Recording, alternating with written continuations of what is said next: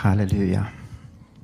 Herre, vi tackar dig för att du är värd all vår lovsång. Vi tackar dig för den du är. Vi tackar dig för att du är vår frälsare. Du är vår själs herde och vårdare. Du är den som vi går till, Gud. Herre, vi lyfter våra ögon upp till bergen. Varifrån ska vår hjälp komma? Ja, den kommer ifrån dig, Herre. Herre, du som har skapat himmel och jord. Du som har all makt i himmelen och på jorden, Herre. Till dig går vi, Herre. Och vi tackar dig, Gud, för att du vill möta oss här idag, Herre. Tackar dig, Gud, för var och en som är här. Vi ber dig, Jesus, att du ska komma, att du ska tala till oss. Vi tackar dig, Gud, för att du ser varje behov. Att du, tack att du möter oss. I Jesu namn. Amen. Jag som redan är sagt så har vi ju gått in i en tid av bön och fasta och eh, vi har olika teman och eh, den här veckan så är det uppåt. Vi ser till honom som har skapat himmelen och jord. Och eh, jag vill tala lite, en liten stund om Jesus som vår befriare, som ger oss frihet. Och eh, jag vill tala om tre saker som Jesus sätter oss fria ifrån.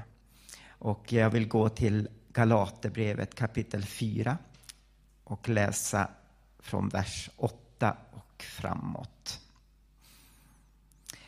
Tidigare, då ni inte kände Gud, det här är Paulus som skriver alltså till församlingen i Galatien, var ni slavar under gudar som egentligen inte är några gudar. Men nu, då ni känner Gud, ja, än mer har blivit kända av Gud, hur kan ni då vända tillbaka till dessa svaga och ynkliga människostadgar som ni på nytt vill bli slavar under? Ni iakttar noga dagar och månader och särskilda tider och år. Jag är rädd att jag har ansträngt mig förgäves bland er. När Paulus skriver det här brevet så fanns det en grupp lärare, jud, falska lärare säger Paulus, som undervisade att de här hedniska troende, de som de var hedningar som hade kommit till tro på Jesus. Men de här falska lärarna, de kom och sa att ni måste omskära er.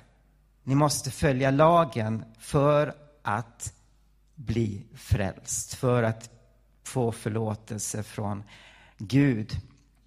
Och eh, de måste egentligen, om man tar det så behövde de bli judar för att ta emot frälsningen.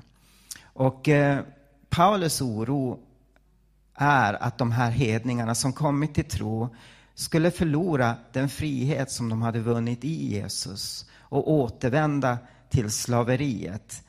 Han sa ju så här, hur kan ni då vända tillbaka till dessa svaga och ynkliga människostadgar som ni på nytt vill bli slavar under?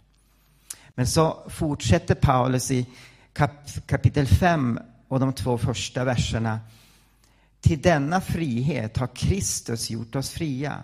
Stå därför fasta och låt er inte på nytt tvingas in under slavoket. Se, jag, Paulus, säger er att om ni låter omskära er kommer Kristus inte att vara till någon hjälp för er. Här, vi ser de här, att de här nytroende, de här personerna i Galatien, i församlingen i Galatien, de, hur de hade varit innan de mötte Kristus. De hade tjänat avgudar. Men vi ser dem också nu här efter omvändelsen, då de blivit frälsta och börjat följa Jesus. Och sen så talar Paulus till dem att om ni börjar följa, om ni följer de här falska lärarna, så blir ni, börjar ni, går ni på nytt tillbaka till det slavok som ni en gång var i, var inunder. Och eh, Paulus, han förkunnade att Jesus Kristus dog på korset för att betala priset för varje människas synd. Och att det enda sättet för att bli accepterad av Gud var att ta emot hans offer, hans gåva och tro på vad Jesus hade gjort för dem. Det vill säga, vi blir frälsta av tro.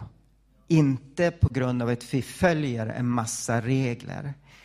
Vi tjänar inte Herren genom att följa en lag. Utan det är en Guds gåva som Gud ger till oss. Och vi tar emot det genom tro på Jesus, tro på vad han har gjort på Golgata. För var och en utav oss. Och jag tror att det här är väldigt viktigt för dig och mig också. Att vi tar emot Jesus. Det är en fri gåva och vi tar emot det. Vi blir inte rättfärdiggjorda på grund av olika regler vi gör, om vi fastar eller om vi ber, utan vi tar emot det av tro.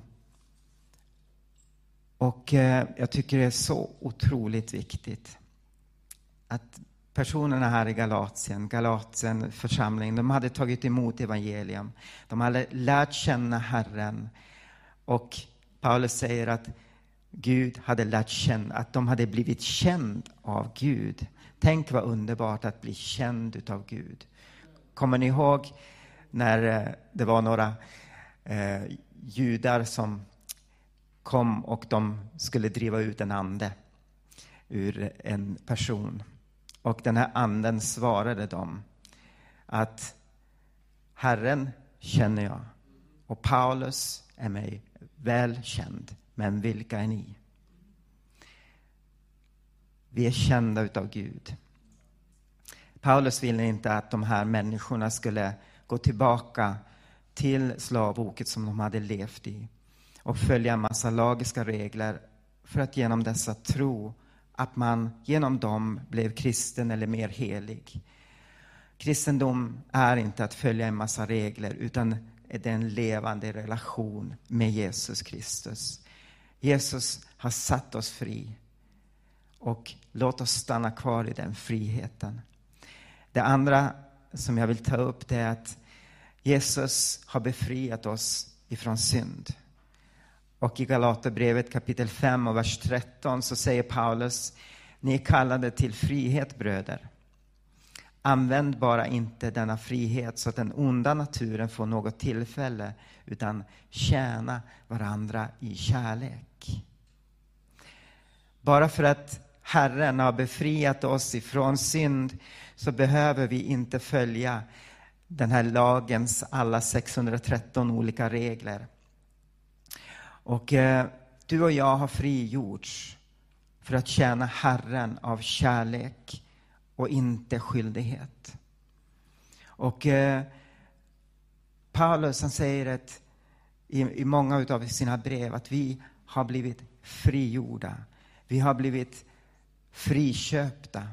Jesus har satt oss fri. När vi tar emot Jesus i våra hjärtan så blir vi rättfärdiggjorda. Vi blir friköpta. Vi kommer ut i frihet. Och eh, i Romarbrevet så förklarar Paulus det här väldigt bra och enkelt. Kapitel 7, verserna 23 till och med 25. Och sen fortsätter det i nästa kapitel, kapitel 8, verserna 1 och 2. Men i mina lemmar ser jag en annan lag som ligger i strid med lagen i mitt sinne och som gör mig till fånge under syndens lag i mina lemmar. Jag, arma människa, vem ska frälsa mig från denna dödens kropp? Gud vare tack, Jesus Kristus, vår Herre. Alltså tjänar jag själv med mitt sinne Guds lag, men med köttet tjänar jag syndens lag. Så finns nu ingen fördömelse för dem som är i Kristus Jesus. Ty livets andes lag har i Kristus Jesus gjort mig fri ifrån syndens och dödens lag. Amen.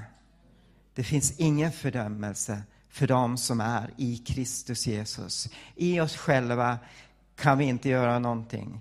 Paulus, med all sin kunskap, med all sin erfarenhet, kunde inte frälsa sig själv. Han kunde inte göra sig fri den här kampen som fanns i honom, utan det var bara Herren som kunde sätta honom fri. Låt oss sätta vårt hopp till Herren som sätter oss fri ifrån synd. Och är du här idag och du har ännu inte tagit emot Jesus, lyft upp din blick, ropa ut till Herren och han kan sätta dig fri ifrån synd. När du ger ditt liv till Jesus så förlorar du, du vet den här skammen som man kan känna, den här fruktansvärda kampen det är. När vi får ge det till Gud och han tar den här kampen, den här själsvåndan, den här skammen som vi, ofta så, som vi så ofta känner. En sak till som jag vill ta upp här ikväll, det är att Jesus sätter oss fri från fruktan. Och eh, jag vet att det är många människor som har fruktan. Man har fruktan för, man har människofruktan. Man har fruktan för att bli sjuk. Man har fruktan för andra, för att gå till jobbet. Man har fruktan att gå till skolan för att man, för någon kanske mobbar en. Men Jesus har sagt att han är vår befriare. Han är den som sätter oss fria. Romarbrevet, samma kapitel här som vi slutade, i Romarbrevet kapitel 8, vers 14 och 15, så säger Bibeln så här, ty alla som drivs av Guds ande är Guds söner. Ni har inte fått slaveriets ande så att ni på nytt skulle leva i fruktan. Nej, ni har fått barnaskapets ande i vilken vi ropar Abba, Fader.